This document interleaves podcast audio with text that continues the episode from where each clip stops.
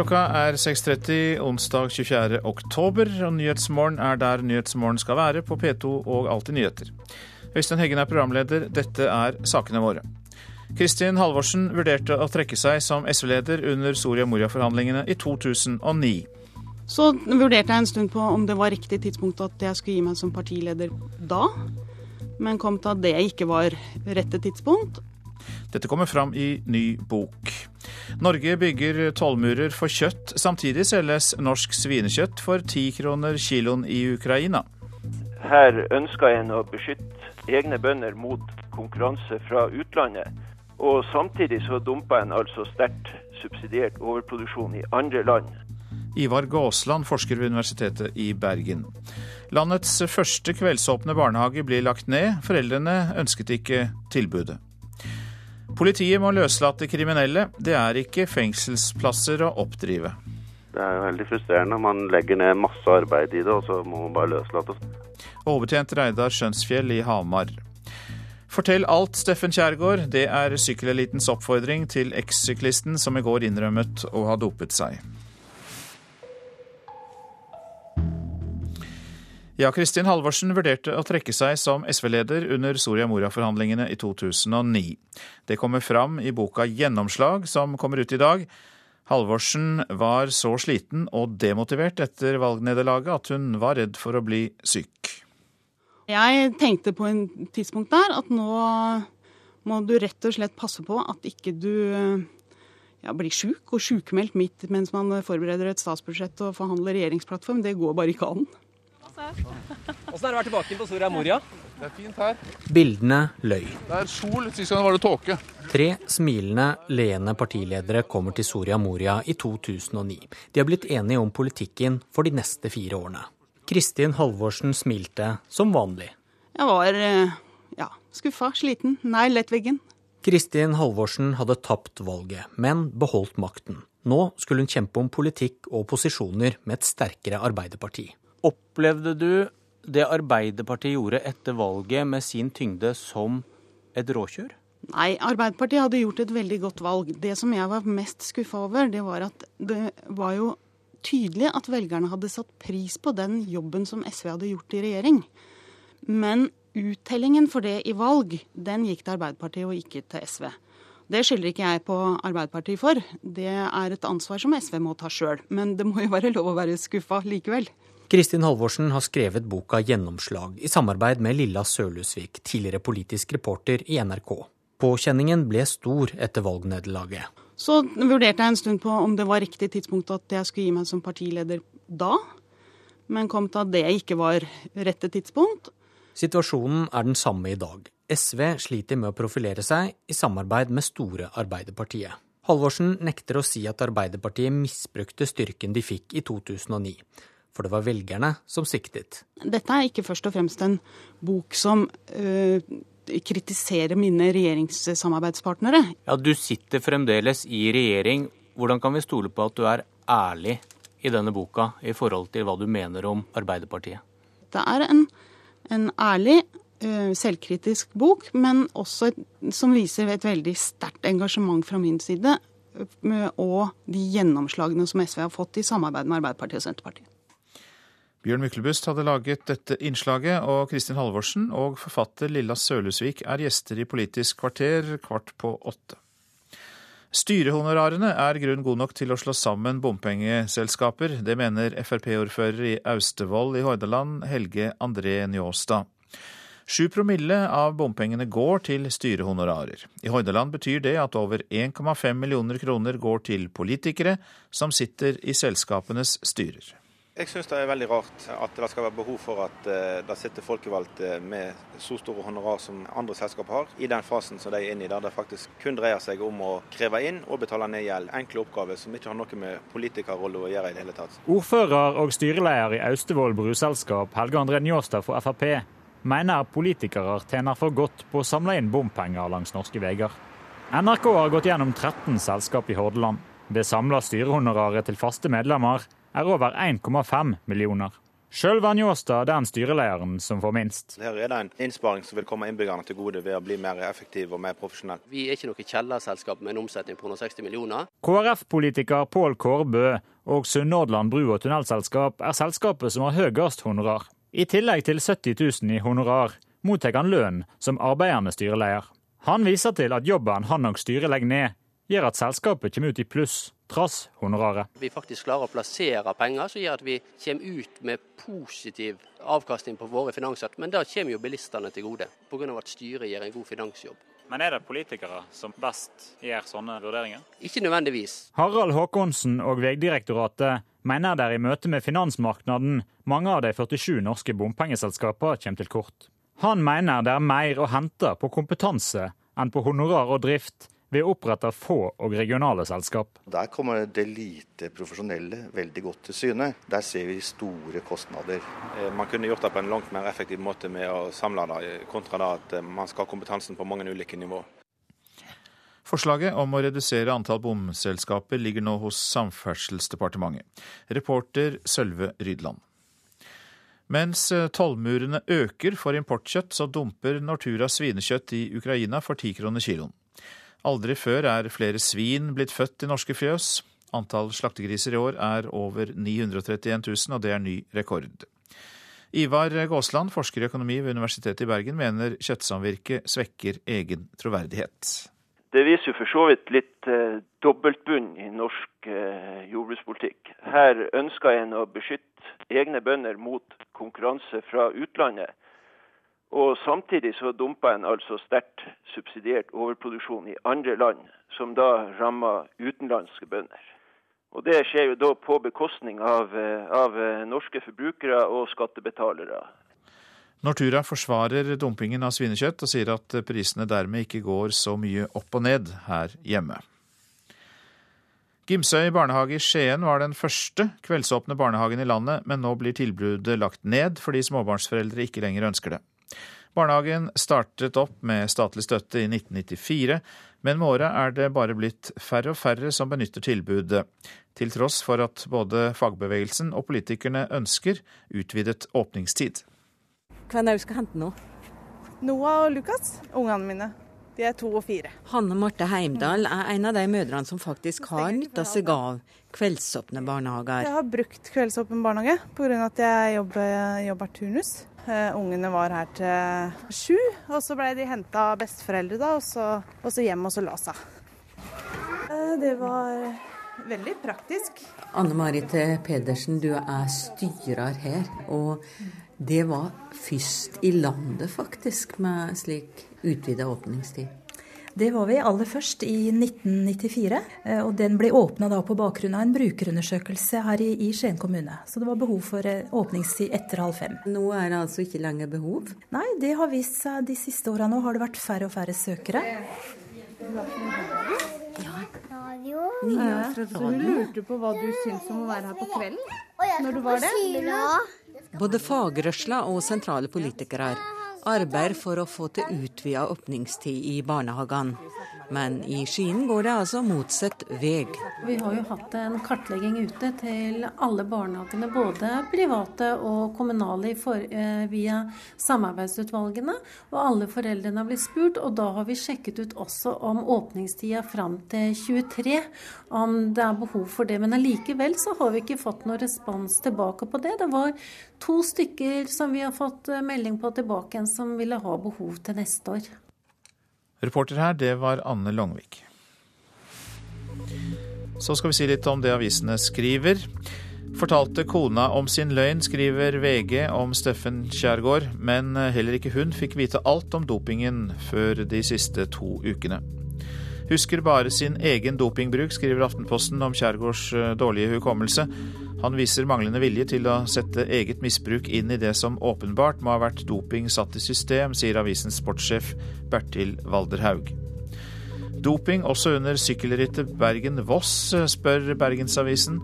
Lederen for Bergen sykkelklubb, Hans Jørgen Morvik, vil ikke bli overrasket dersom det viser seg at det også blir brukt doping i mosjonistløp. Fanges i eget nettverk, skriver Dagsavisen om næringsminister Trond Giske. Han må svare for nok en kompissak, og eierskapsekspert mener Giske har, kan ha brutt loven. Begeret er fullt for regjeringen, skriver kommentator Arne Strand i Dagsavisen. Kjell Inge Røkke er som en forsmådd guttunge, skriver Dagens Næringsliv. Karakteristikken kan vi lese i Kristin Halvorsens nye bok, og gjelder Røkkes reaksjon på Statoil-Hydro-fusjonen. Kraftfusjoner kan koste 3000 distriktsarbeidsplasser, det er oppslaget i Nasjonen.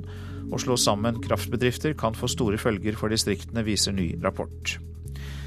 Fremskrittspartiet vil ikke i regjering for enhver pris, skriver Klassekampen. Sterke krefter i partiet ønsker at det skal stå utenfor en borgerlig regjering dersom Frp gjør et dårlig stortingsvalg neste år. Lønnssystemet til 26 millioner kroner i Bergen kommune er ubrukelig. Det skriver eh, Bergens Tidende. Systemet som ble kjøpt for fire år siden er så dårlig at produsenten selv må skrote det. Ingen god situasjon, sier finansbyråd Liv Røsland. Norsk støtte gjør russere til agenter, er oppslaget i Vårt Land. En ny lov krever at valgobservatører og aktivister i frivillige organisasjoner i Russland som får støtte utenfra, må registrere seg som utenlandske agenter. Hvis ikke risikerer de fengsel og bøter. Snåsamannen har mistet kraften, skriver Dagbladet. 86 år gamle Joralf Gjerstad merker alderdommen og kjenner at hans helbredende evner blir svakere. Fortell alt, Steffen Kjærgaard. Det er sykkelelitens oppfordring til ekssyklisten som i går innrømmet å ha dopet seg som aktiv. De krever nå at alle involverte bør utleveres. At han vet mer enn det som kommer fram, det er jeg ganske overbevist om. Det sier Birger Hungerholt, som er mangeårig organisator i norsk sykkelsport og nå manager for Edvald Boasson Hagen. Selv om ekssyklist Steffen Kjærgaard bretta ut om si dopingbefengte fortid i går, var ikke Hungerholt imponert over det han hørte og kaller Kjærgaards opptreden for ei ynkelig forestilling. Jeg har ikke hatt kjennskap til i direkte forstand om det har vært noen andre på lagene mine noensinne som har brukt forbudte stoffer. Det er slike Kjærgaard-utsagn som gjør at Hungerholt vil at den angrende synderen skal fortelle mer detaljert om hva han vet om andre, for manageren er ikke overbevist helt ennå. I sykkelsporten så reiser du jo ca. 200 døgn i året. Man bor på dobbeltrom med en kollega fra laget på alle overnattinger.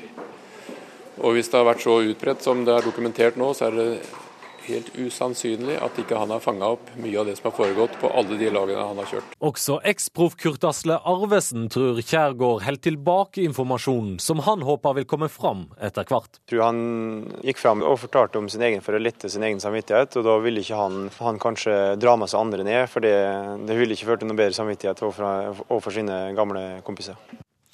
Reporter Hans Henrik Løken. Og god morgen til deg, Gunnar Breivik. Du er Takk. professor ved Norges idrettshøgskole. Ja, det er blitt kalt tidenes største skandale, unik i norsk idrettshistorie. Ja, du er professor ved idrettshøgskolen. Er du enig i karakteristikkene? Det er iallfall en av de virkelig store, eh, fordi eh, den er knyttet til eh, en mann som har hatt sentrale verv både som utøver og også som leder i norsk sykling. og han rokker ved det selvbildet vi har hatt, at vi er bedre enn andre når det gjelder antidopingarbeid. Hvordan tror du en slik sak virker inn på tilliten til norsk idrett? Og da tar jeg alt i ett, både topp- og idrett og breddeidrett? Den norske idrettsmodellen bygger jo nettopp på at topp og bredde hører sammen. Og Grunnen til at eh, foreldre sender barn og unge inn i idretten, er nettopp en tillit til at her får de gode holdninger, her får de ledere som eh, har eh, etisk ryggrad. Og når idretten svekkes, sånn som vi ser nå i sykkel, vi har hatt i fotball, vi har hatt en kappgangssak som også har vært diskutert, eh, så eh, rokker dette ved både tilliten til selve idrettsprestasjonene, kan vi egentlig helt tro på det vi ser. Det rokker ved tilliten til utøvere, og det rokker ved tilliten til lederne. Og Det vet vi fra psykologisk forskning, at slike hendelser har en smitteeffekt, slik at det sprer seg, kanskje ufortjent, til hele organisasjonen, hele systemet, til eh, alle de som også er rene, slik at f.eks. Eh, når vi hører om finsk, finsk langrenn, så er det en skygge som faller over saken med en gang, fordi de har en veldig dårlig historie. Og det ville være veldig synd hvis Norge skulle komme i en lignende situasjon. Du eh, sa at eh, vi i Norge har vært vant til å se oss som annerledes og kanskje reinere enn de som er i andre land. Hvor sannsynlig tror du at det kan komme flere avsløringer her i landet? Jeg holder det for, eh, om ikke sannsynlig, så iallfall ikke usannsynlig.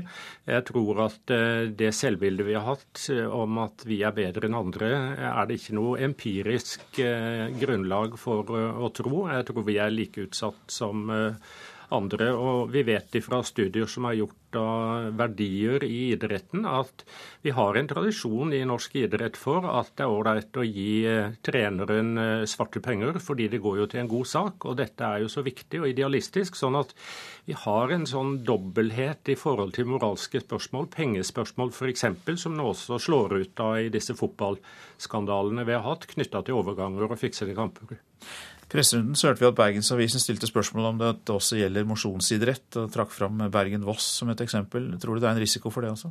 Absolutt. Jeg tror eh, også da de store turrennene, turløpene, eh, sykkelrittene, mer alminnelige konkurranser på lavere nivå helt klart er utsatt for eh, den samme problematikken som toppidretten.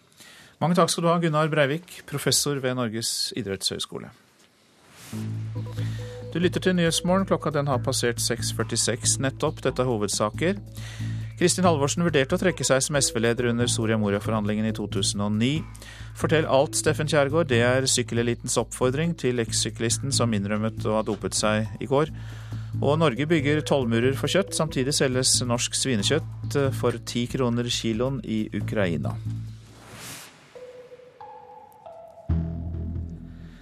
Det er så få varetektsplasser at politiet må løslate lovbrytere. Denne uken slapp to ulovlige innvandrere løs i Hamar etter fire dager i varetekt, men uten penger og noe sted å bo. Passport, please. Vi er med fremmedpolitiet på en grensekontroll på Stockholmstoget. Ikke noe pass, ID, ID-kart. Snakker du norsk eller svensk? English? Nothing? Bare siden januar har politiet opplevd en mangedobling av innvandrere som tar seg ulovlig inn i Norge. Okay? På denne togturen pågrep politioverbetjent Reidar Skjønsfjell og hans team fem personer. From, what country are you from? Afghanistan. Afghanistan. Så han russeren han har svensk ID-kort, så det er en bortvisning til Sverige. Han har sikkert lovlig opphold i Sverige. Det endte med at én søkte asyl, to personer ble bortvist til Sverige, og to personer ble satt i arresten på Hamar. Men etter fire dager på glattcelle måtte politiet løslate de ulovlige innvandrerne. Årsak det finnes ikke ledige varetektsplasser å oppdrive. Formelt så har man jo ikke lov til å løslate en som har ulovlig opphold i landet. De har jo verken penger, sted å bo, oppholdskort noen kontakter, så hva som skjer videre med dem, det er veldig vanskelig å si, da. Vil man si at det er eh, tjenesteforsømmelse av eh, politiet? Ja, altså har man ikke noe sted å gjøre av dem, så er det jo litt vanskelig, da. Men eh, sånn i utgangspunktet så er det jo nesten det. Det sier politioverbetjent i utlendingsseksjonen i Hedmark, Reidar Skjønsfjell.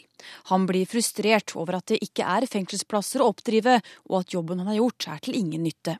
Det er jo veldig frustrerende. Man legger ned masse arbeid i det, og så må man bare løslate. Så er man alt arbeidet er helt bortsatt. På politihuset på Hamar sitter påtaleleder Rolf Thoresen.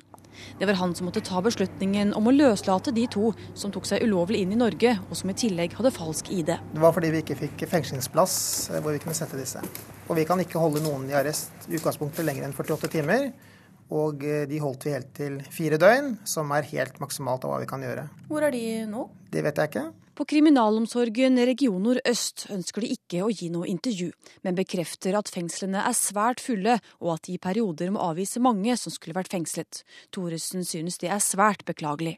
Ja, i det siste har det vært svært vanskelig å få varetektsplasser, og vi har flere ganger hatt det problemet de siste ukene. Og det vil si at man må slippe lovbrytere ut på gaten? Ja, i ytterste konsekvens så betyr det det. Så det er sterkt beklagelig. Ingen vet hvilken forhistorie de to ulovlige innvandrerne hadde. Det eneste man vet er at de ble sluppet fri i Hamar før helgen.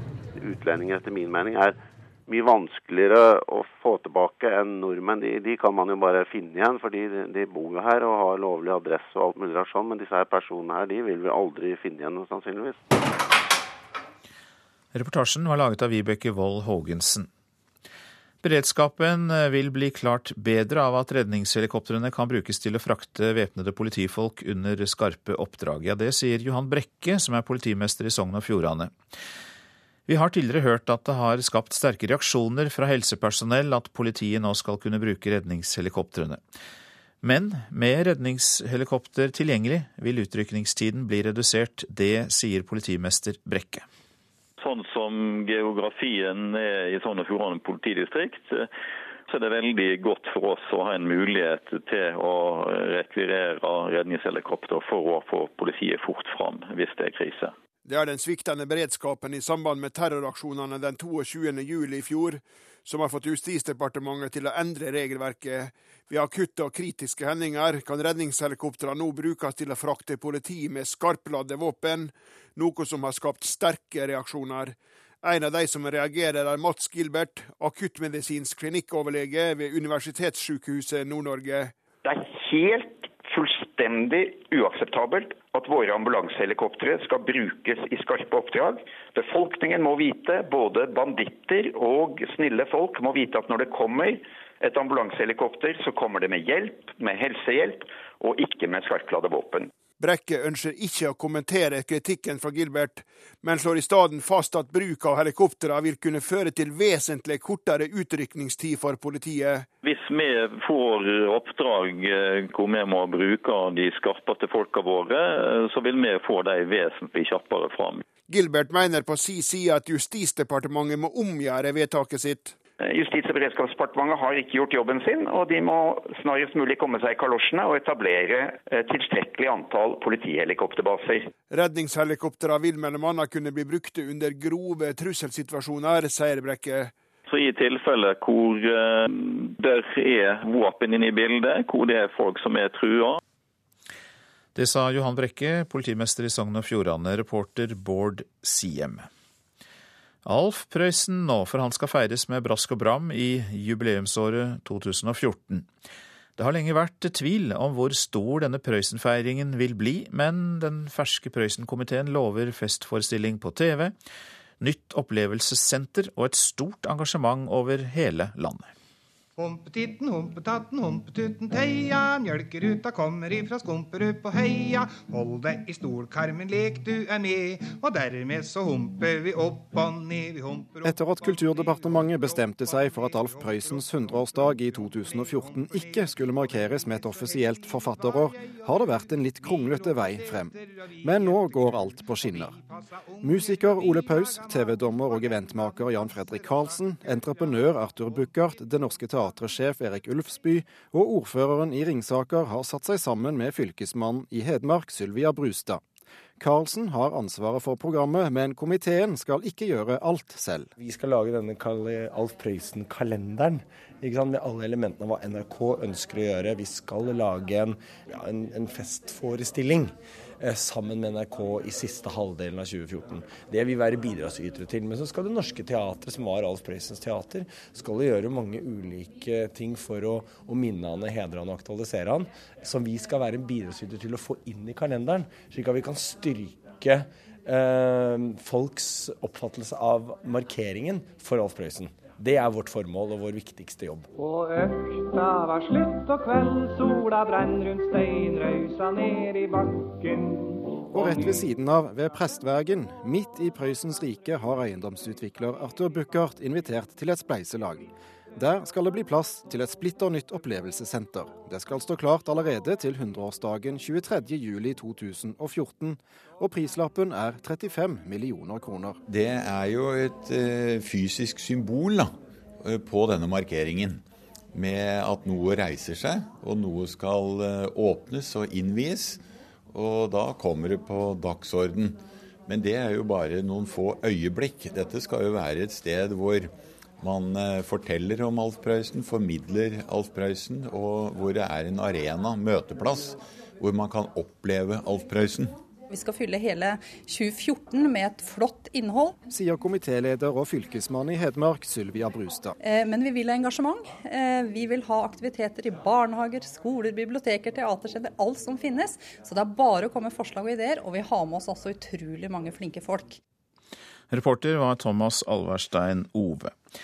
Og fra steinrøyset ned i bakken til James Bond. For fredag er det premiere på den nye filmen Skyfall.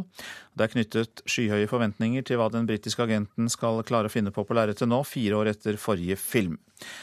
Og vi har blitt med Norges kanskje største Bond-entusiast, som var på den eneste pressevisningen før premieren. Jeg skal inn og sikre meg en god plass, for jeg regner med at på denne pressevisningen blir det så mye folk. Og jeg har lyst til å sitte på min faste plass på kinoen for å få det maksimalt utbytte og glede av filmen. 007 reporting for duty. Mørkt kledd, med svart slips. 68 år gamle Sigurd Mo Hetland er Norges kanskje største James Bond-fan. Min faste plass er ytterst på tredje rad på venstre side. Der pleier å sitte på alle pressevisninger. Men det pleier aldri være noe problem å få den plassen, for folk vil heller sitte lenger bak.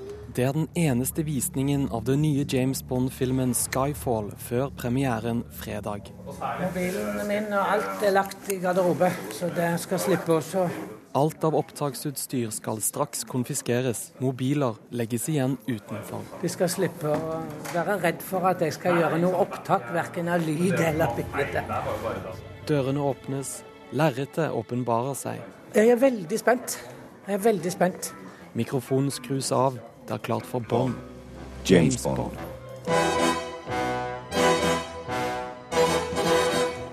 Sigurd Mo Hetland har vært på alle James Bond-premierene utenom én. Da var han nemlig i militæret. Dette var stort. Jeg kan ikke si noe annet enn at dette var stort. Og den nye filmen 'Skyfall', den gjorde inntrykk. Jeg er det litt rørt av hele Hva skal vi si av hele situasjonen. Det gikk så godt, det gikk så veldig oppi der. Så det var helt topp, altså. Reportere her Eivind Våge og Magnus Bratten.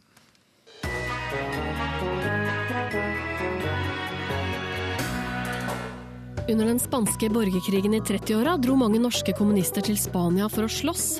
Noen er i ettertid sett på som helter. I dag vil justisministeren straffe nordmenn som reiser til Syria for å slåss i borgerkrigen der. I Radioselskapet klokka 11 spør vi om det egentlig er forbudt å reise til utlandet for å krige. Værvarselet. Fjell i Sør-Norge, liten kuling utsatte steder. Sludd- og snøbyger, etter hvert også i Langfjella, vesentlig i vest. Østlandet og Telemark ser vi samlet. For det meste skyet og stedvis tåke. I ettermiddag mulighet for litt regn eller sludd, først i nord. Agderfylkene litt kuling på kysten vest for Lindesnes. Lokal tåke, ellers delvis skyet og til dels pent vær, men forbigående mer skyet midt på dagen. Rogaland og Hordaland litt regn av og til, etter hvert stort sett opphold. Fra i ettermiddag nordvest liten kuling på kysten. Sogn og Fjordane etter hvert stort sett opphold, i kveld enkelte sludd- og snøbyger. Møre og Romsdal og Trøndelag. I nord liten kuling, regnbyger, snøbyger over 200-400 meter. Fra i ettermiddag sludd- eller snøbyger også i lavlandet. Helgeland, Saltfjellet, Salten og Ofoten. Nordvestlig stiv kuling på kysten, i kveld minkende i sør. Sludd- og snøbyger. Først på dagen regnbyger i lavere strøk. Lofoten og Vesterålen nordvestlig stiv kuling, i kveld opp til liten storm. Snøbyger. Troms nordvestlig opp i stiv kuling, i kveld nordvestlig kan hende liten storm og snøbyger. Kyst- og fjordstrøkene i Vest-Finnmark nordvestlig stiv kuling på kysten, i kveld kan hende liten storm og snøbyger også der. Finnmarksvidda får litt snø. Øst-Finnmark snøbyger på kysten, ellers opphold. I kveld nordvestlig liten kuling på kysten. Nordensjøland på Spitsbergen nordvestlig liten kuling. I kveld vestlig frisk bris og litt snø. Temperaturer målt klokka fem. Svalbard var nede i minus ti. Kirkenes minus tre. Vardø pluss én. Alta og Tromsø null. Bodø fire grader. Brønnøysund tre. Trondheim seks. Molde også seks. Bergen, Flesland åtte. Stavanger sju. Kristiansand-Kjevik minus én.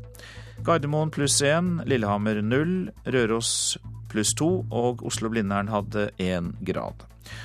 Og så legger vi til at generalsekretær i Norges idrettsforbund, Inge Andersen, kommer i studio for å snakke om doping nå straks etter klokka sju her i Nyhetsmorgen.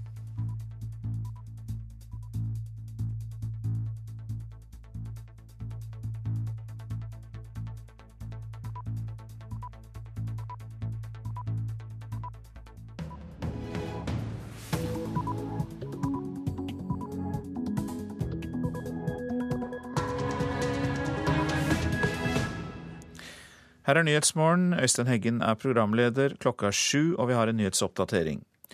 Overgrepsmottakene klarer ikke å hjelpe personer som har vært utsatt for vold i hjemmet. Hovedårsaken til dette her, det er økonomiske rammebetingelser igjen, manglende ressurser. For Overgrepsmottakene de er avhengig av et kommunalt spleiselag. I og med at tilbudet ikke er lovfesta, så betyr det at en del kommuner ikke er med på spleiselaget, og da får de økonomi deretter seniorforsker Ann Kristin Eide i Nordlandsforskning. Kristin Halvorsen vurderte å trekke seg som SV-leder under Soria Moria-forhandlingene i 2009. Så vurderte jeg en stund på om det var riktig tidspunkt at jeg skulle gi meg som partileder da, men kom til at det ikke var rette tidspunkt. Og Kristin Halvorsen kommer i Politisk kvarter for å snakke om sin nye bok.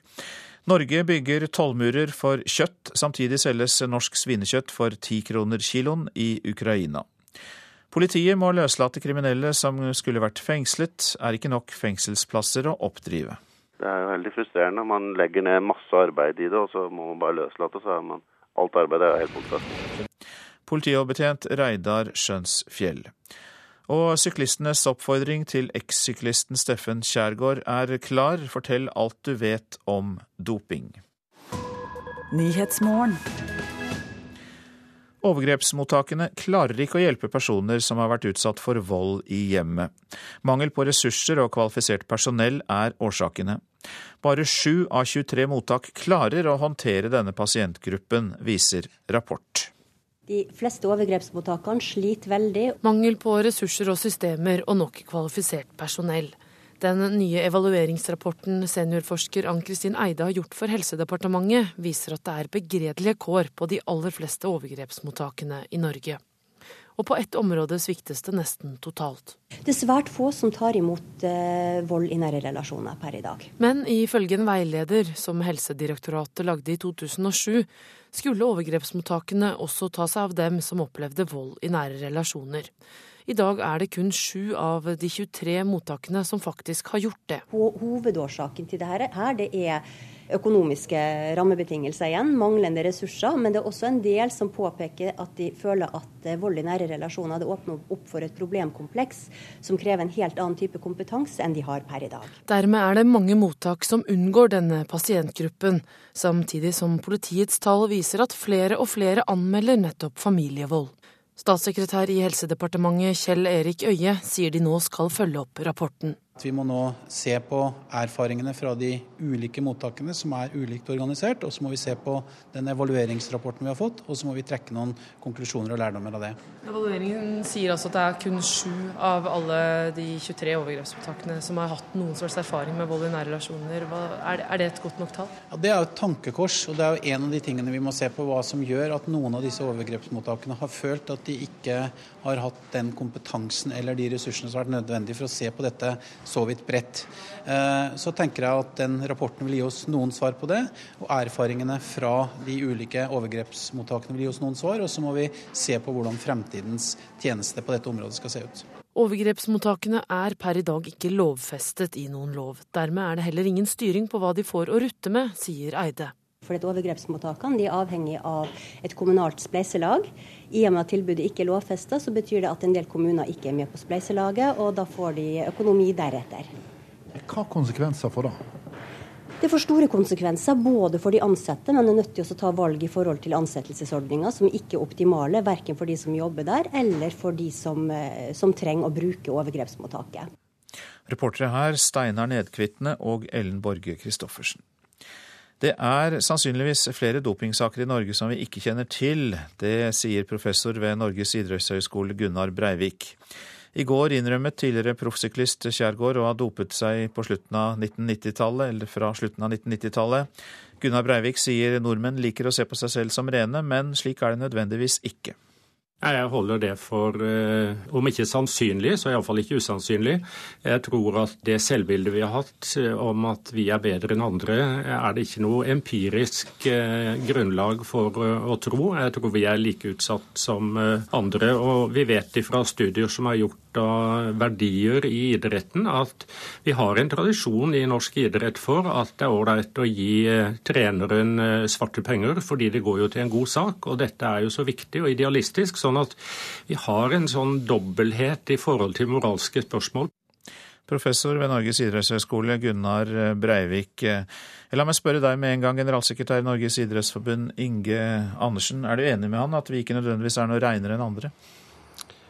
Eh, Norge har definitivt vært eh, verdensledende når det gjelder vårt eh, antidopingarbeid.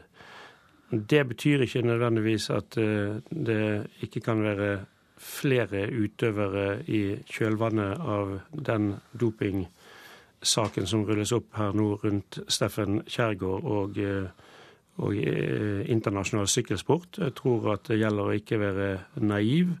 Og, og jeg har ved flere anledninger de siste både dager og uker vært tydelig på at dersom det finnes no, noen historier i, i, sykkelsporten også i Norge, så må de opp på bordet og frem i lyset, slik at Antidoping Norge kan ta tak i dette.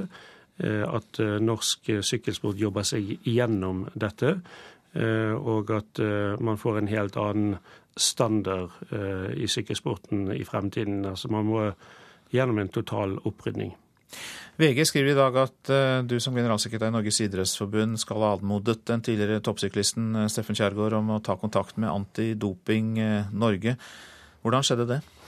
Nei, altså Min kontakt i denne saken har hele tiden gått gjennom sykkelpresident Harald Tidemann Hansen. Altså Det har vært en god kontakt med sykkelpresidenten og idrettspresident Børre Ronglen og undertegnede de siste 14 dagene siden VG for første gang Eh, skrev saken som på mange måter har utløst dette.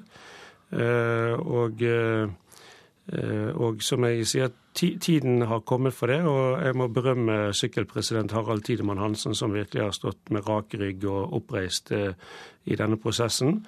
Eh, og han er òg tydelig på at dersom det finnes flere historier, så må de opp på bordet nå. Og det støtter selvfølgelig Norges idrettsfullt fullt og helt. Ja, Steffen Kjærgaard får jo oppfordringer fra eh, flere, bl.a. Birger Hungerholt eh, og Kurt Asle Arvesen i sykkelmiljøet, om å komme med mistanker han har mot andre. Hvordan, hva syns du om det? Ja, altså Fortsettelsen nå må være at uh, Steffen Kjærgaard uh, snakker uh, med Antidoping Norge, som er den myndigheten innenfor idrettsorganisasjonen som jobber med denne type saker. og at Antidoping Norge vet jeg er, er, på denne ballen. Jeg vet at de har opprettet kontakt med det amerikanske antidopingbyrået. Og de har òg selvfølgelig kontakt med det internasjonale antidopingbyrået. Eh, slik at de òg får nå komme til bunns i dette eh, eh, altså denne elendigheten da, som, som, har eksistert i, i sykkelsporten. Hvor skadelig er denne elendigheten, som du kaller den, for Idretts-Norge? Dette er jo en trist historie. Eh, vi eh, skal jobbe oss samlet gjennom dette. Og eh, det aller, aller viktigste nå er at vi er tydelige på at det er nulltoleranse i, i norsk idrett mot doping. Og, og at eh, man får en helt annen fremtid og en ren eh, norsk idrett. Altså, det er det klart overordnede målet. Mange takk for at du kom til Nyhetsmorgen. Inge Andersen, du er generalsekretær i Norges eh, idrettsforbund. Samtidig som Norge bygger opp tollmurer for kjøtt, dumper bondesamvirket Nortura norsk svinekjøtt for ti kroner kiloen i Ukraina. Det er feilslått landbrukspolitikk, mener lederen i Småbrukarlaget Merete Furuberg. Hun mener samvirket ikke har lykkes i å produsere passe med kjøtt. Det er eh, feilslått eh, landbrukspolitikk. Aldri har flere svin blitt født i norske fjøs. Antall slaktegriser i år er over 931 000. Det er ny rekord, og derfor vil kjøttsamvirket Nortura at vi spiser mer grisekjøtt. Matprat. Slik steker du hel svinefilet. Dyre reklamekampanjer og sterkt nedsatte priser. Kjøttsamvirket bruker mye penger for at vi skal spise mer gris, men det norske markedet er mettet. Overproduksjonen gjør at subsidiert svinekjøtt selges til dumpingpriser i utlandet. I fjor var snittprisen for eksportkjøttet av svin ti kroner per kilo, forteller direktør i Nortura totalmarked Hans Thorn Wittussen. Prisen hentet på fryselager her i Norge ligger mellom 10 og 12 kroner. Eh, og mesteparten da går til Ukraina, stemmer det? Ukraina er det største markedet som svinekjøttet blir solgt til. Det, det, er de som mener at, denne, at, virkemiddelbruken per i dag er noe feilslått, for vi trenger jo ikke mer svinekjøtt. Eh, hvor, hvor, enig er du i påstanden om at dagens virkemiddelbruk er feilslått? Vi forutsetter at de tiltakene som nå er satt i verk, fungerer, og at vi klarer å balansere markedet igjen. Da er ikke et feilslått virkemiddel Tvert imot, da virker det etter hensikten, som er å stabilisere mat- og landbruksmarkedet i Norge. Mens vi har overskudd på gris, så har vi underskudd på rødt fe og biffkjøtt. Likevel er det grisebønder som enklest får støtte til å øke produksjonen, forteller Merete Furuberg, leder i Småbrukarlaget. Det er enklere å få til gris og kylling enn å få til storfe. Men det, er, det høres ikke fornuftig ut at det skal være enklest å få støtte der det er mest overproduksjon? Det er det jo ikke på noen måte. Men ved at vi har overproduksjon på gris nå, så må vi prioritere eh, de som produserer eh, biff. Og det må skje fort, for det at eh, jeg er redd for at eh, miljøet rundt eh, de som har dyr som eh, bruker beite og, og produserer biff, at det rett og slett skal rakne. Men hvis noen skal få mer, så er det ofte sånn at noen andre må få litt mindre? Det er det, og jeg er ikke redd for å prioritere eh, virkemidler og, og hjelp til de som skal produsere biff og, og lam. og i, eh, på bekostning av de da som eh, har en virksomhet der det er overproduksjon. Trenger vi et forbedret samvirke? Absolutt. Ivar Gåsland, forsker i økonomi ved Universitetet i Bergen, mener samvirket svekker egen troverdighet. Det viser jo for så vidt litt eh, dobbeltbunn i norsk eh, jordbrukspolitikk. Her ønsker en å beskytte egne bønder mot konkurranse fra utlandet. Og samtidig så dumper en altså sterkt subsidiert overproduksjon i andre land. Reporter Line Tomter. Og god morgen, direktør Ivar Pettersen ved Norsk institutt for landbruksøkonomisk forskning. God morgen. Ja, Vi beskytter norske bønder mot konkurranse, så samtidig dumper vi svinekjøtt i utlandet. Hvordan forklarer du dette? Ja, Vi har valgt et system hvor vi i størst mulig grad lukker det norske markedet og satser på en balanse mellom tilbud og etterspørsel i Norge. Det er et veldig komplisert system å operere. Det er klart at etterspørselen vil variere, og tilbudssiden vil variere. Det er jo selvstendige bønder. De kan beslutte selv i stor grad hvor mye de skal produsere, om de skal investere osv. Og, så og forbrukerne kan endre sin etterspørsel. Vi har sett det på smørkrisen. Vi har sett det dels på storfekjøtt, at vi er usikre på markedsdekning osv. Og, så og nå har vi en overskuddsproduksjon på svinekjøtt som utgjør kanskje 2,5% av det totale markedet. Og det er egentlig en ganske forutsigbar effekt av et system som i så stor grad satser på regulering i et lukket marked. Det vil variere. Og vi kan til og med få en situasjon hvor vi har overskudd av svin totalt sett, men hvor vi kommer til å importere enkelte deler av svinet, f.eks. ribbe til jul. Den typen variasjoner må vi regne med. Men det er da fordi vi helt og holdent har skrudd av markedet? Vi skrur av vår relasjon til utlandet. Og så må vi selvfølgelig av og til skru den på igjen. Det er markedsreguleringens natur. Av og til må vi skaffe ekstra forsyninger fra utlandet fordi vi ikke får dekket vår egen etterspørsel. Det skjer også i svinemarkedet til tider. Fjørfe er nå aktuelt, som jo ligner veldig mye på svinemarkedet. Og av og til så må vi skru på eksporten og subsidiere den for å ventilere dette markedet. Det er naturen ved denne typen markedsregulering. Men du, vi hørte her at eh, leder i Småbrukarlaget Merete Furuberg mener at dette er en feilslått landbrukspolitikk. Hvordan ser du på det? Eh, Merete Furuberg er vel en av de store tilhengerne av markedsregulering, så vidt jeg vet. Så jeg skjønner ikke hvordan hun kommer til at dette er et resultat av feilslått eh, landbrukspolitikk. Hun eh, mener nok sikkert at vi heller bør støtte opp om de dyra som spiser norsk grovfôr istedenfor å spise importert kraftfôr. Ja, Hun snakka om beitedyra her. Ja, hun er veldig opptatt av beitedyr. Og det er jo kjernen i norsk landbrukspolitikk. For å ha landbruk over hele landet så må vi bruke grasressurser. Men norske forbrukere, forbrukere ønsker eh, kjøttslag som er basert på kraftfôr. Og det må også landbruket produsere. Vi skal ha et forbrukerretta landbruk, og da må vi også legge til rette for denne typen produksjon. Og det å tro at man alltid vil ha markedsbalanse, er helt naivt så lenge vi skrur av denne relasjonen til eh, utlandet ved hjelp av vårt markedsreguleringssystem. Hvordan eh, håndterer andre land dette problemet? For vi har jo hørt om eh, produksjonsberg som er blitt liggende i EU også? Ja, EU har jo hatt en politikk for å minske avstanden mellom priser innenfor EU og internasjonale priser. Det betyr at disse barrierene Dvs. Si behov for å subsidiere når det er overskuddsproduksjon, og behov for å, å sette ned tollsatser osv. når det er underskuddsproduksjon, de er mye mindre. Mens vi i Norge har ikke noen politikk for å nærme oss et internasjonalt prisnivå. Snarere tvert imot. Nå har man jo egentlig vedtatt at man skal øke rommet for avstand mellom norske prisnivåer og internasjonale prisnivåer. Så avslutningsvis kan jeg konkludere med det, direktør Ivar Pettersen, at eh, Norge er et særtilfelle? Norge er et særtilfelle, og vi har ikke tenkt å bli mer normale, eh, ser det ut til. Takk skal du ha. Du er eh, direktør ved Norsk institutt for landbruksøkonomisk forskning. Telenor melder om gode resultater i tredje kvartal. Selskapet hadde en omsetning på 25,3 milliarder kroner og et resultat før skatt på 5,6 milliarder kroner. Dette er bedre enn mange analytikere hadde ventet på forhånd. Det er særlig i Norden at Telenor gjør det bra. Ungarn og eh, Bangladesh er blant landene som beskrives som mer utfordrende i kvartalsrapporten. SAS er klar med en ny spareplan som kommer til å berøre flere tusen ansatte, skriver den danske avisen Jyllandsposten. Planen er utarbeidet fordi det nåværende spareprogrammet ikke har vært tilstrekkelig for å sikre et akseptabelt overskudd i SAS. Et stort antall medarbeidere er blitt stilt overfor krav om å gå ned i lønn eller skifte jobb.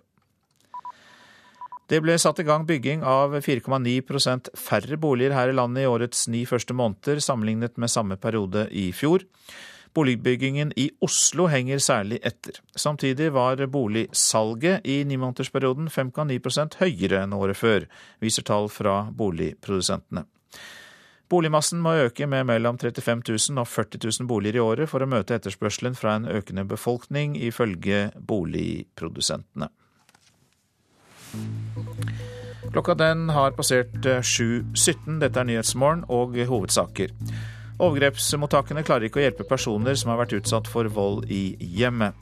Fortell alt, Steffen Kjærgaard. Det er sykkelelitens oppfordring til ekssyklisten som i går innrømmet å ha dopet seg som aktiv. Og Kristin Halvorsen vurderte å trekke seg som SV-leder under Soria Moria-forhandlingene i 2009. Mer om det om en halvtimes tid i Politisk kvarter. I Spanias hovedstad Madrid demonstrerte store folkemengder i går kveld mot statens sparetiltak. Politiet var i høyeste beredskap og dannet en jernring rundt parlamentet, som skulle vedta et av Spanias strammeste statsbudsjett. En bølge av protester er ventet i Spania videre utover uken.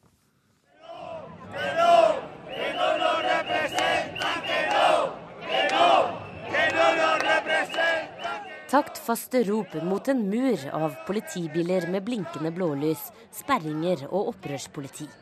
For tredje gang organiserte bevegelsen Omring parlamentet demonstrasjon i Madrid. Og politiet tok ingen sjanser. Pues estoy aquí porque este gobierno va en contra de sus ciudadanos. ¿En qué modo? Denne regjeringen går imot innbyggerne sine, sier 22 år gamle Pablo Lopez. Matematikkstudenten vet ikke lenger om han har råd til å studere. Universitetsavgiftene er doblet i år til 1300 euro, drøye 10 000 kroner.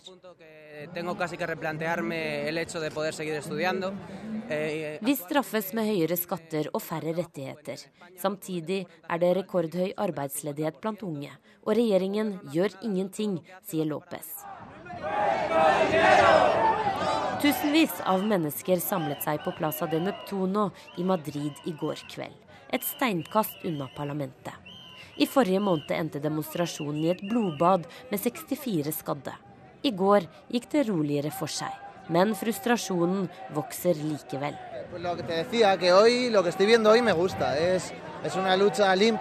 Jeg liker det jeg ser her, sier Juan Antonio Serria. Dette er en fredelig kamp, en ren kamp. Folk ønsker endring, sier Sarria. Målet med demonstrasjonen var å omringe parlamentet, samtidig som Spanias folkevalgte i går skulle vedta landets statsbudsjett for neste år. Spania er inne i sin andre resesjon på tre år, med nær 25% arbeidsledighet og en økonomi som fortsetter å krympe. Federico Steinberg er økonom ved Elcano-instituttet og mener innstrammingene vil gjøre vondt verre i Spania.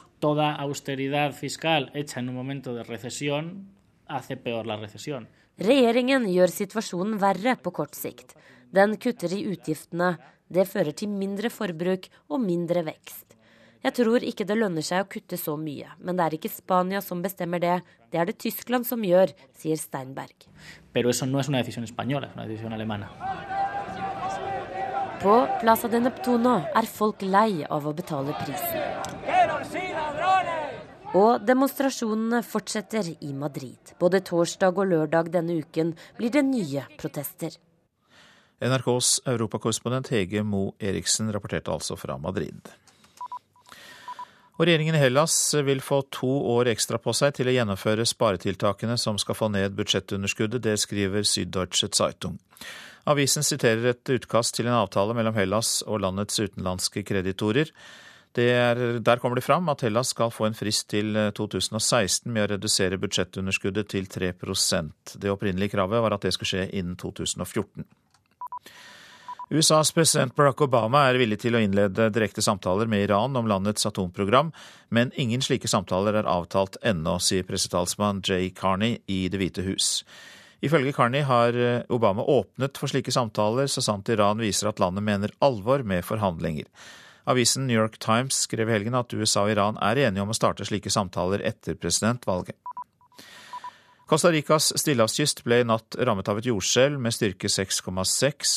Skjelvets eh, episenter var i havet 14 mil vest for hovedstaden San José. Bygninger i hovedstaden svaiet, og folk rømte ut i gatene. Det er til nå ikke meldt om at noen mennesker er skadd, og heller ikke om alvorlig skade på eh, bygninger. Så til avisene. Fortalte kona om sin løgn, skriver VG om Steffen Kjærgaard, men heller ikke hun fikk vite alt om dopingen før de siste to ukene. Husker bare sin egen dopingbruk, skriver Aftenposten om Kjærgaards dårlige hukommelse. Han viser manglende vilje til å sette eget misbruk inn i det som åpenbart må ha vært doping satt i system, sier avisens sportssjef Bertil Valderhaug. Doping også under sykkelrittet Bergen-Voss, er spørsmålet til Bergensavisen. Lederen for Bergen sykkelklubb, Hans-Jørgen Morvik, vil ikke bli overrasket dersom det viser seg at også blir brukt doping i mosjonistløp. Fanges i eget nettverk, skriver Dagsavisen om næringsminister Trond Giske. Han må svare for nok en kompissak, og eierskapsekspert mener Giske kan ha brutt loven. Begeret er fullt for regjeringen, skriver Dagsavisens kommentator Arne Strand. Kjell Inge Røkke er som en forsmådd guttunge, skriver Dagens Næringsliv. Karakteristikken kan vi lese i Kristin Halvorsens nye bok, og gjelder Røkkes reaksjon på Statoil-Hydro-fusjonen. Kraftfusjoner kan koste 3000 distriktsarbeidsplasser, er oppslaget i Nasjonen. Å slå sammen kraftbedrifter kan få store følger for distriktene, viser ny rapport. Fremskrittspartiet vil ikke regjering for enhver pris, skriver Klassekampen. Sterke krefter i partiet ønsker at det skal stå utenfor en borgerlig regjering dersom Frp gjør et dårlig stortingsvalg neste år. Lønnssystemet til 26 millioner kroner i Bergen kommune er ubrukelig, kan vi lese i Bergens Tidende. Systemet, som ble kjøpt for fire år siden, er så dårlig at produsenten selv må skrote det. Ingen god situasjon for Bergen, sier finansbyråd Liv Røsland. Norsk støtte gjør russere til agenter, er oppslaget i Vårt Land. En ny lov i Russland krever at valgobservatører og aktivister i frivillige organisasjoner som får støtte utenfra, må registrere seg som utenlandske agenter. Hvis ikke risikerer de fengsel og bøter. Hjertesyke Kim Olofsson klarte ikke å stå oppreist, men ble likevel sendt hjem fra legevakten i Tromsø, skriver Nordlys. Kort tid etter ble han akuttinnlagt på sykehuset i Nord-Norge og har ligget der en uke. Snåsamannen har mistet kraften, skriver Dagbladet. 86 år gamle Joralf Gjerstad merker alderdommen og kjenner at hans helbredende evner blir svakere.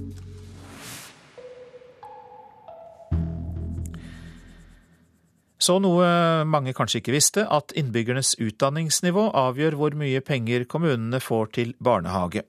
Mange rådmenn mener ordningen er urettferdig, for folk går på jobb og trenger barnehageplass selv om de har liten utdanning.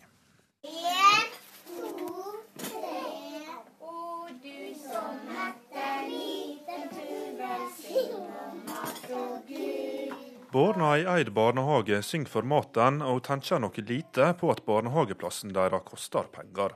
Men det gjør politikerne. Hvert år i statsbudsjettet avgjør Stortinget hvor mye penger kommunene trenger, bl.a. til barnehage. Og der er utdanningsnivået til innbyggerne blitt et viktig kriterium. Tanken er at jo mer utdanning, dess større er etterspurnaden etter barnehageplasser. Det kriteriet stemmer veldig dårlig. Hva som er forklaringen på det er vanskelig å si, men vi ser at det stemmer veldig dårlig. Det sier nestlederen i rådmannsutvalget i KS i Sogn og Fjordane, Ørjan Raknes Fortun. Han og flere andre rådmenn ser at kartet ikke stemmer med terrenget.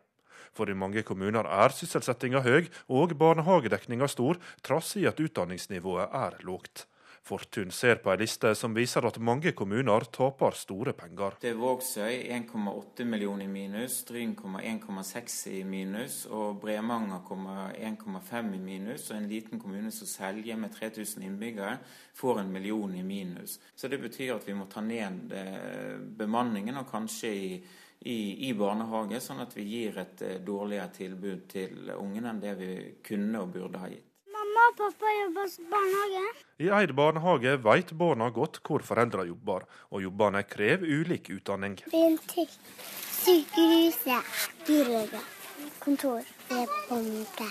Raknes Fortun sier at om man sammenligner t.d. Stryn kommune, der bare 22% har høyere utdanning, med Bærum kommune, der nær halvparten har høyere utdanning, så blir skilnadene voldsomme. Så ville Stryn fått fem millioner mer eh, i året hvis de hadde hatt eh, samme inntekt til barnehagene som Bærum. Statssekretær i Kommunal- og regionaldepartementet Dag Henrik Sandbakken fra Senterpartiet vedgår at ordninga kan slå skeivt ut. De har nok rett i at eh, det er mange kommuner som nok får noe mindre enn det de eh, faktisk bruker.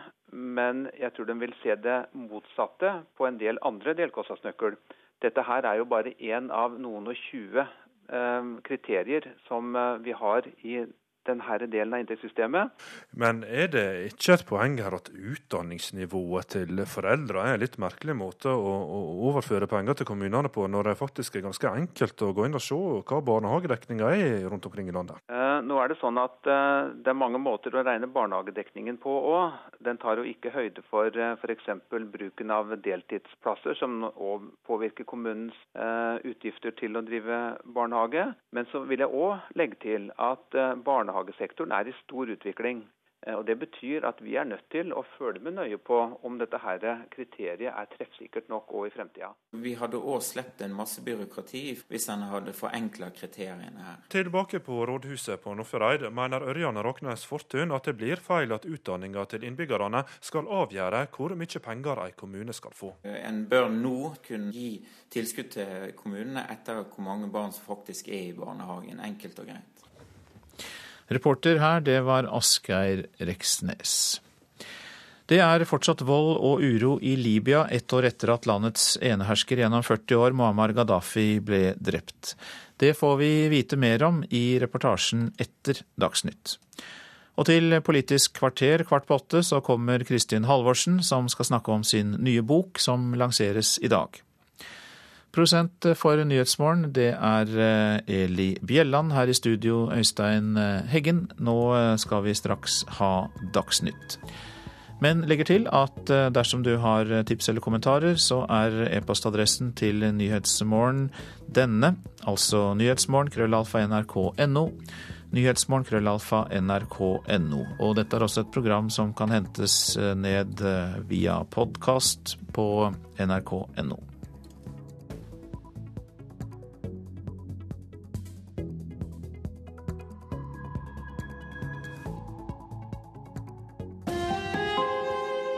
Hør ekko. Ni av ti lyttere som hører på Ekko, er smarte. Sjansen for at du nå, kjære lytter, velger vårt program, ble plutselig større. Det som skjedde, var nudging. Du fikk et dytt i riktig retning til å gjøre et valg. Slik kan faktisk verden reddes, mener de som har greie på det. Ekko 9 11 i NRK P2.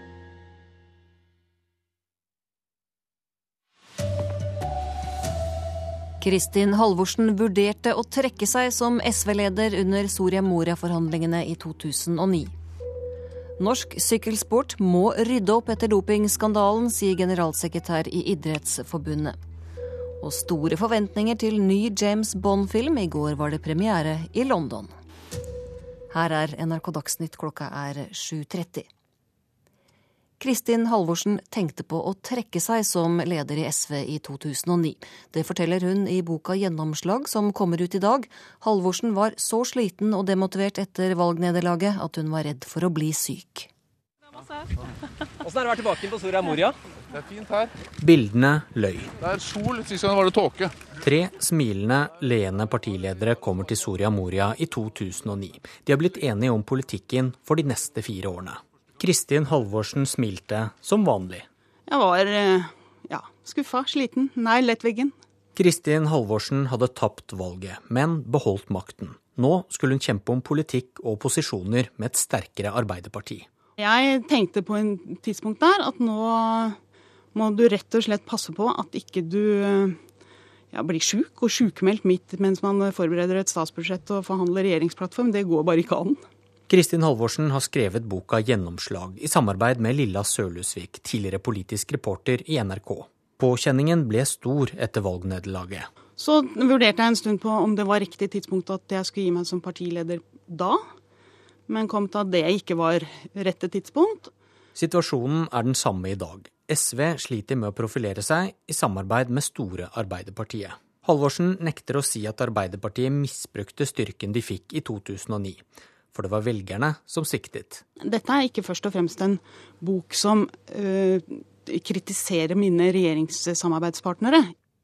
Reporter var Bjørn Myklebust.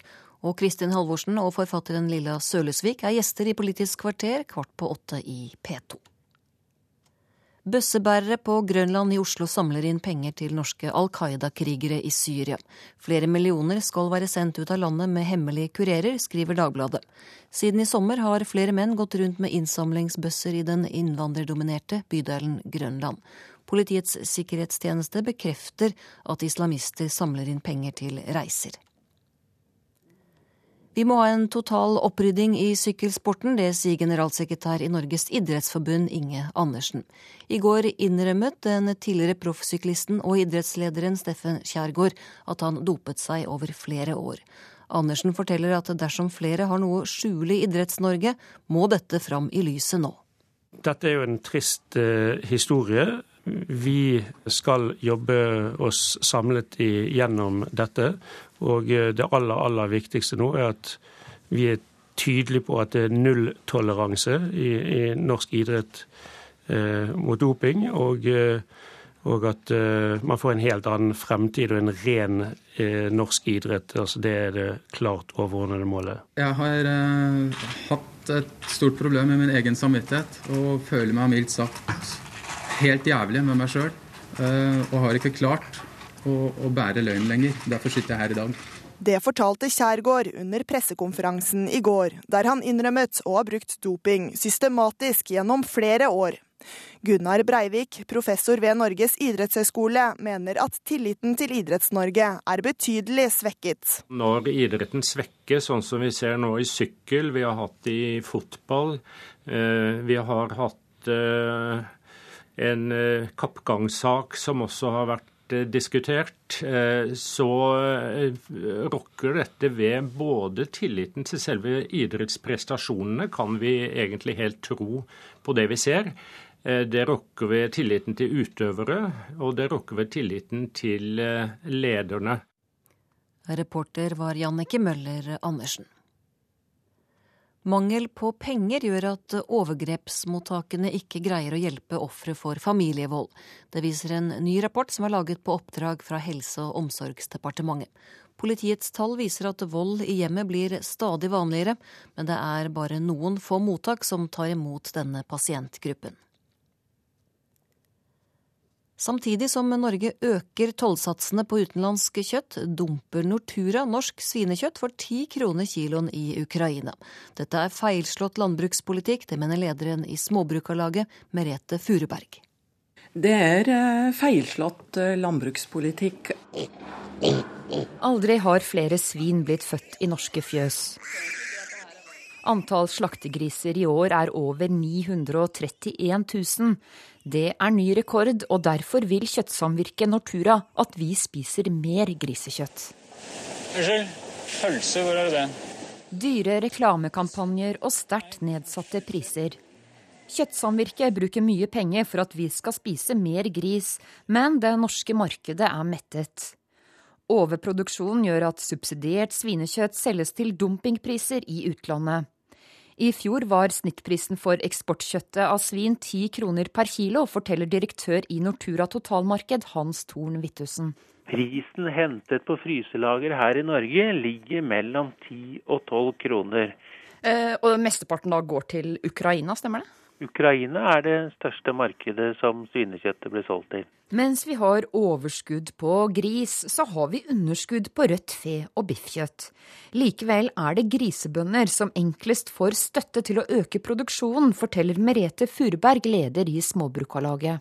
Det er enklere å få til gris og kylling enn å få til storfe.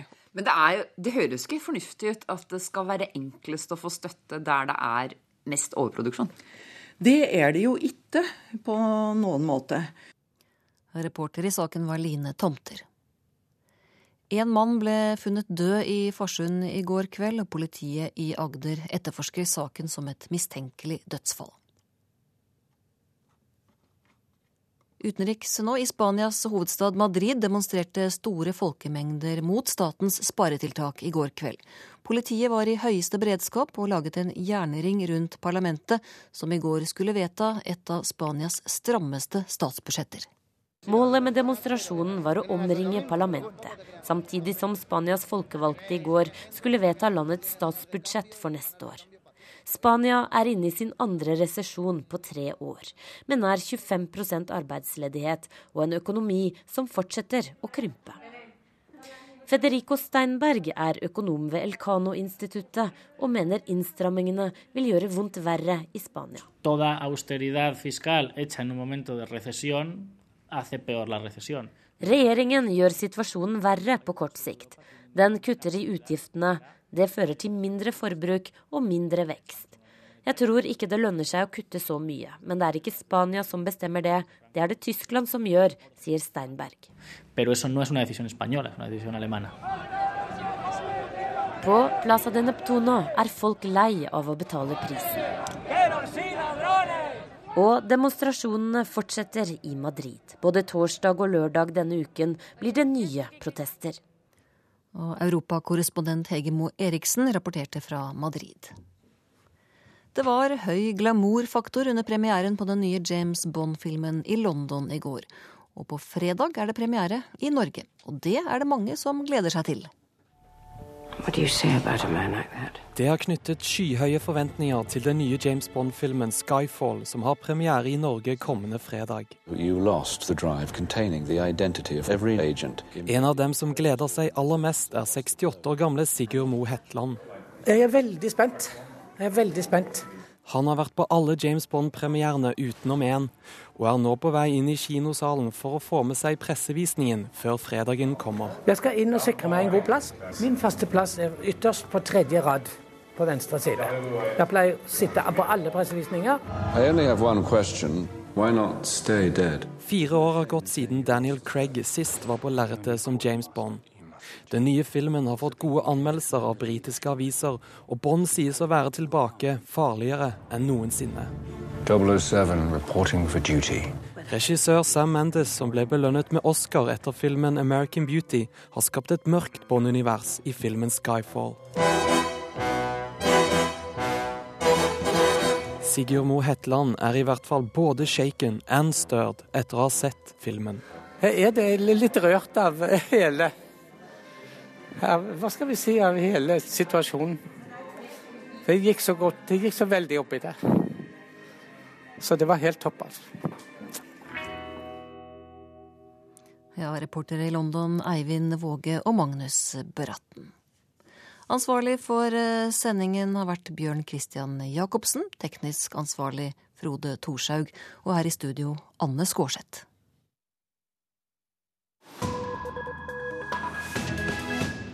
Dette er Nyhetsmorgen. I helgen var det nøyaktig ett år siden Libyas enehersker gjennom 40 år, Muammar Gaddafi, ble drept. Det skulle markere slutten på hans styre og starten på et nytt Libya. Men ett år etter sliter landet fremdeles med vold og uroligheter. I byen Bani Walid er flere drept de siste dagene. Kampene står mellom det nye styret og Gaddafis gamle støttespillere. Muammar el-Gaddafi blir slept vekk av blodtørstige libyske opprørere. Han ble funnet i et avløpsrør der han forsøkte å gjemme seg for massene som ville styrte hans regime. Det er nøyaktig ett år og fire dager siden. Et undertrykt folk tar det utover han som førte så mye liding på det libyske folk. Over 40 år satt Gaddafi som de facto eneveldig leder av Libya. På slutten hjelpte ikke det. Han ble lynsja, slått, sparka og til slutt drepen. Det hele ble dokumentert gjennom et amatøropptak. En valdelig sorti for en valdelig hersker. Men det skulle være starten på et nytt, mer fredelig og mer demokratisk Libya.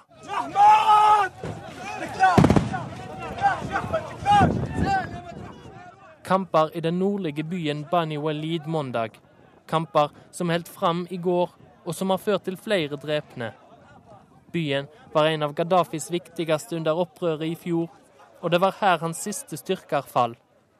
Når det nå er nye kamper i byen, blir det sett på som et symptom på et større problem. For trass i et gjennomført valg, et nytt parlament og ei regjering på vei, er tryggheten i landet et stort problem. Våpna etter fjorårets revolusjon er fremdeles i hendene på militser, og gamle skillelinjer mellom klaner og stammer styrer konfliktene som går føre seg i disse dager. Styresmaktene har dermed flere væpna grupper å nedkjempe, og valden øker. Det gjør at folk kjenner seg utrygge. First uh, anniversary of the liberations from Gaddafi troops, but uh, actually we are very. Det er årsdagen for frigjøringa fra Gaddafis styrker, men det er likevel en trist dag, sier Ahmed fra Benghazi. Han protesterer mot de voldelige hendelsene som finner sted oftere og oftere i landet, og advarer mot borgerkrig. Førebels har ikke landet klart skifte fra diktatur til demokrati fullt ut, men trass i trygghetsproblem og væpna militsgrupper finnes det òg positive sider. Ytrings- og handlingsfridommen er et av disse punkta. Mohammed Omar mista en arm i fjorårets kamper. Det tykker han det var verdt. Nå skildrer han et lettere liv.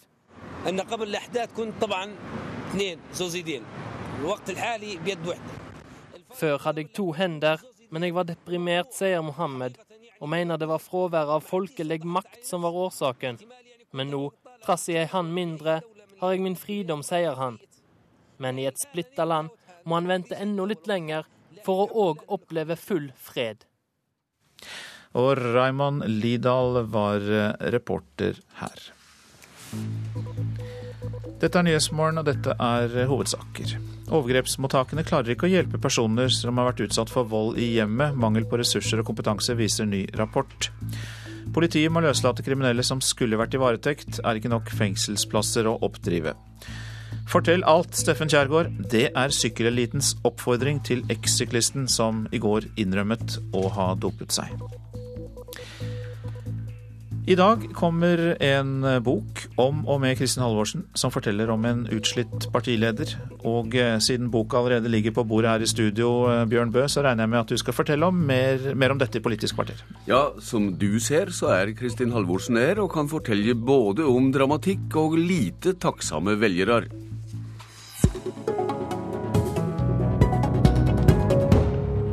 Og så har jeg lyst til å takke Jens og Åslaug og Liv Signe fordi vi skrev historie sammen.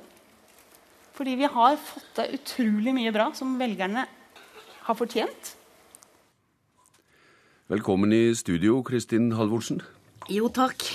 Vi hørte fra det omfram landsmøtet i mars da du gikk av som partileder. Velgerne har fått eh, noe velfortjent, mener du, men de takka deg ikke ved valget. Interne kamper i regjeringa var beinharde, og det gikk på helsa løs, hørte vi i Dagsnytt. Ja, det er klart at eh, etter valget i 2009, da var det ganske tøffe runder. Vi var skuffa over valgresultatet for SVs egen del, men jo veldig letta over at vi gjenvalgte eh, det rød-grønne flertallet, og at eh, vi fremdeles kunne servere velgerne rød-grønn politikk. Det gjorde altså et dårlig valg i 2009 og mista en statsråd etter valget. Du skildrer altså en situasjon der du var, du var utsliten og vurderer å kaste av deg partilederrolla. Hvor politisk dramatisk opplevde du dette?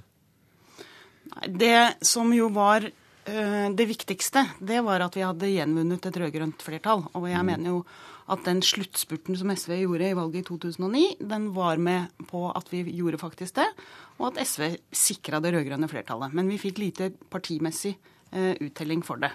Og i de fire første årene av det rød-grønne samarbeidet så hadde jo jeg drevet en ekstremsport i å kombinere jobben som finansminister og være partileder for et parti som aldri hadde vært i regjering før. Og vi hadde mye å lære, men også store gjennomslag. Og for første gang den utrolige gleden av å kunne gjennomføre saker som man hadde slåss for i opposisjonen i veldig mange år. Ta full barnehagedekning, f.eks. Fantastisk å få være med på det løftet. Men valgresultatet var skuffende for oss. Det var helt opplagt at det velgerne og det vet vi fra valgundersøkelser, det er ikke noe jeg finner på eller bare etter å ha snakka med to-tre velgere. Det var hvordan vi håndterte finanskrisa og den store velferdsreformen på mange tiår, nemlig barnehagereformen, som var den viktigste kapitalen det rød-grønne flertallet hadde. Og i begge de sakene så var jo SVs og min innsats helt avgjørende for at vi skulle komme i mål. Men på valgdagen fikk vi ikke noe uttelling for det. Ja, og så var det tida etterpå da det virkelig røyner på, kan vi lese i det beste vi har sett av boka. Der forteller en at SV-er kaller Arbeiderpartiet for herrefolket. Du sier sjøl i boka at du mener Arbeiderpartiet hadde en stor føremon av SV i regjering, men at de der bare var opptatt av å cashe inn valgsigeren, for å sitere. Hva kunne Jens Stoltenberg gjort annerledes for å gjøre det lettere for deg? Jeg har beskrevet det fordi det er veldig viktig for velgerne å vite at deres stemme har stor betydning. For når man sitter etter et valg og gjør opp status for et valgresultat, da er det kjøttvekta som teller. Da er det partienes oppslutning som teller. Det er det som avgjør hvor mange statsråd man får. Det er det som avgjør politiske gjennomslag. Og det er ikke noe sånn koseprat. Det er en maktkamp mellom partier. Og det er klart I 2009 så var det jo en ganske spesiell stemning, for Arbeiderpartiet hadde gjort et veldig godt valg. Eh, og de hadde gjort et godt valg på saker som vi hadde bidratt veldig sterkt til. Senterpartiet de hadde omtrent samme uttelling som de hadde fire år før, og vi hadde en klar tilbakegang. Dette skylder ikke jeg på Arbeiderpartiet eller Senterpartiet for. Dette er et ansvar som SV må ta sjøl. Men jeg har prøvd å gi velgerne et innblikk i hvordan man forvalter et valgresultat. Fordi det vi traff på gata i valget i 2009, det var jo veldig mange velgere som var fornøyd med oss, men de stemte på Arbeiderpartiet. Og dette burde Arbeiderpartiet ha skjønt bedre, er det det du sier? Nei, jeg beskriver hvordan de oppsummerte sitt valgresultat, og hvordan vi oppsummerte vårt valgresultat, og hvordan kjøttvekta slår ut i forhandlinger mellom partier. Eh, Du godtar altså kjøttvekta. I hva grad er kjøtvekta ved eventuelle nye regjeringstinginger det eneste rette utgangspunktet etter ditt syn, når vi ser det i sammenheng med nettopp det at eh, det har vært med på en politikk som Arbeiderpartiet har fått eh, vinst av? Jo, men Det er alltid det som er utgangspunkt for forhandlinger. Det var det i 2009, og det var det i 2005, og det vil det være etter alle valg. Mm. Så er det jo sånn at jeg mener at SVs innflytelse over Soria Moria 1 og Soria Moria 2 har vært mye større enn den uttellinga vi har fått gjennom eh, politiske gjennomslag. Vi forandra utenrikspolitikken, vi forandra fordelingspolitikken, vi fikk til barnehageforliket. Eh, og og det som, er, det som jeg tror er veldig viktig for velgerne å vite, det er hvordan dette faktisk ser ut når du gjør opp status for et valg. Fordi velgerne stemmer på ett parti, de stemmer ikke noen prosenter på det ene og noen på det andre. Gjennomslag heter boka om og med deg, Kristin Halvorsen. Og det ja. virker som du mener det fremdeles trengs argumentering for at det rød-grønne regjeringsprosjektet er rett? Selvfølgelig gjør det det. Selvfølgelig gjør det det. Høyre og Fremskrittspartiet turner høyt på meningsmålingene, og jeg ser ingen grunn til at de skal vinne neste valg. Derfor har jeg fortalt min historie til Lilla Sølhusvik. jeg har fortalt mer enn jeg egentlig hadde tenkt da vi begynte. Det er mange flere episoder som velgerne ikke vet om eh, fra før. Men det er historien om et historisk samarbeid mellom Arbeiderpartiet, og Senterpartiet og SV.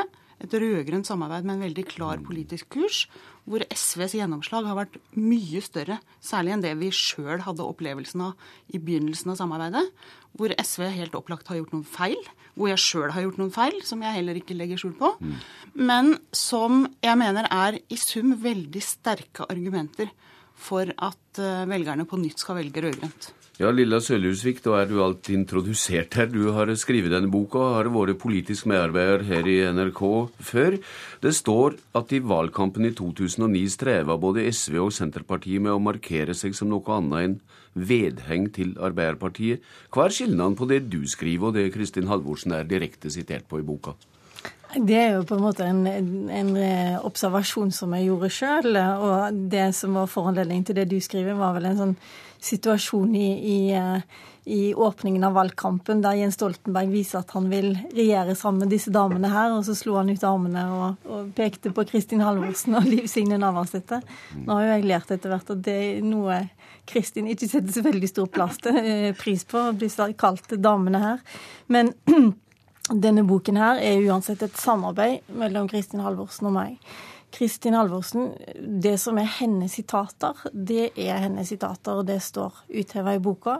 Og dette er også hennes historie, sånn at det er hun som er hovedkilden i denne boken.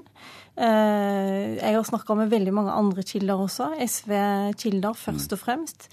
Eh, de andre kildene har vært med på å fylle ut bildet. Men det er for så vidt det er min fortelling fortalt med mine ord. Har Kristin Halvorsen stråket mye av det eventuelt ville du har funnet på? Nei, altså det er noe med at det er Kristin Halvorsens eh, fortelling, og hun er såpass fargerik sjøl at jeg trenger ikke legge på så himla mye av mine egne fargerike formuleringer her. Jeg mener det aller meste har fått stå. I noen sammenhenger Hun er fargerik, har et fargerikt språk. I noen sammenhenger har hun følt eh, behov for å moderere noe. Og det er sånn som skjer med sitatsjekk. Mm. Eh, men det er ingen det er ingen politiske nyheter, ingen store, viktige ting som er endra. Det er heller ikke noen politisk vektlegging som er endra gjennom dette arbeidet. Nå sitter Kristin Halvorsen fremdeles i regjering. og Hvor mye taktikk ligger det bak det som er med, og det som ikke er med i boka? Det har jeg selvfølgelig tenkt en del på. Ehm, men jeg har tenkt også at det kan ikke jeg ta hensyn til, hva som er hennes taktikk og ikke taktikk. Mitt utgangspunkt har vært å fortelle historien. Jeg var interessert i å høre hva Norges første kvinnelige eh, finansminister, nummer to i regjeringen og SV-leder i 15 år, eh, hadde å fortelle. Jeg mener hun har en utrolig spennende historie å fortelle. Eh, og jeg har jobba på vanlig journalistisk vis. Jeg vil gjerne ha ut absolutt alt. Eh, og så har vi vel også Og jeg mener også jeg har skrevet absolutt alt.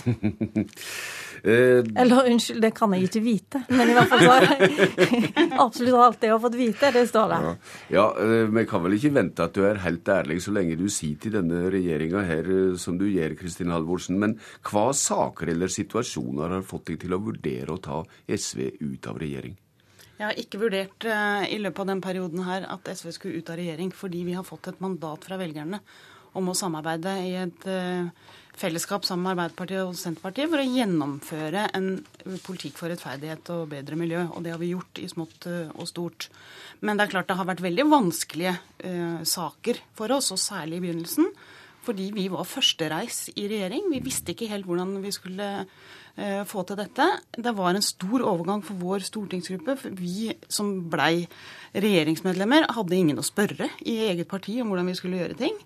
Ehm, så det var jo en hva skal jeg si, en ganske krevende, en ganske krevende runde. Eh, de rundene vi også har hatt om, om norsk Afghanistan-deltakelse, har selvfølgelig også vært uh, vanskelig. Men uh, Og Libya på det siste landsmøtet. Det er også en sak som er, er omtalt i, i boka. Mm. Du, har... Du, har, du, har, hatt strev både med dine egne og med regjeringspartnerne samtidig, ikke sant? Jo, men selvsagt. Selvsagt. Vi har styrt landet. Vi har hatt ansvaret for viktige eh, spørsmål. Vi har eh, hva skal jeg si, vi har måttet få gjennomslag for saker som vi har, har eh, syntes vært avgjørende og viktige, og det har vi fått. Og det er jo det boka i stor grad eh, handler om. Men det er også en ganske ærlig historie om Eh, våre egne interne avveininger, mm. vårt samarbeid med Arbeiderpartiet og Senterpartiet. Hvor firkanta syns du herrefolket i Arbeiderpartiet har vært når det gjelder å forstå det bakrommet du har i eget parti? I begynnelsen så var det helt nødvendig at både Arbeiderpartiet og SV og Senterpartiet mm. lærte hverandre mye bedre å kjenne. Fordi det er når man vet det, når det virkelig blir viktig for de andre partiene at en kan lage gode kompromisser. Og jeg håper du legger merke til at dette herrefolket er i hermetegn. Kristin Holvorsen, kort til slutt. Boktittelen 'Gjennomslag' har vi vært inne på. I hva grad er det ordet du gjerne ser som ettermæle på ditt 15-årige virke som partileder? Det er eh, i veldig stor grad det som er historien om, eh, om SVs deltakelse i det rød-grønne samarbeidet. At vi fikk gjennomslag for saker vi hadde slåss for i opposisjon i veldig mange år, i samarbeid med Arbeiderpartiet og Senterpartiet. Og det er det viktig for velgerne å vite i god tid før neste valg.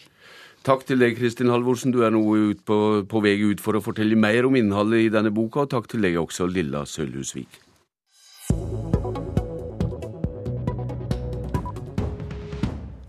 Nå et apropos til debatten om døgnåpne barnehager. Gimsøy barnehage i Skien var den første kveldsåpne barnehagen i landet, men nå blir tilbudet lagt ned. Vi har hatt eh, spørjinger blant småbarnsforeldre i Grenland, men bare to foreldrepar ønsker utvida åpningstid neste år, sier styrer Anne Marit Pedersen. Hvem er det du skal hente nå? Noah og Lukas, ungene mine. De er to og fire. Hanne Marte Heimdal er en av de mødrene som faktisk har nytta seg av kveldsåpne barnehager. Jeg har brukt kveldsåpen barnehage pga. at jeg jobber, jobber turnus.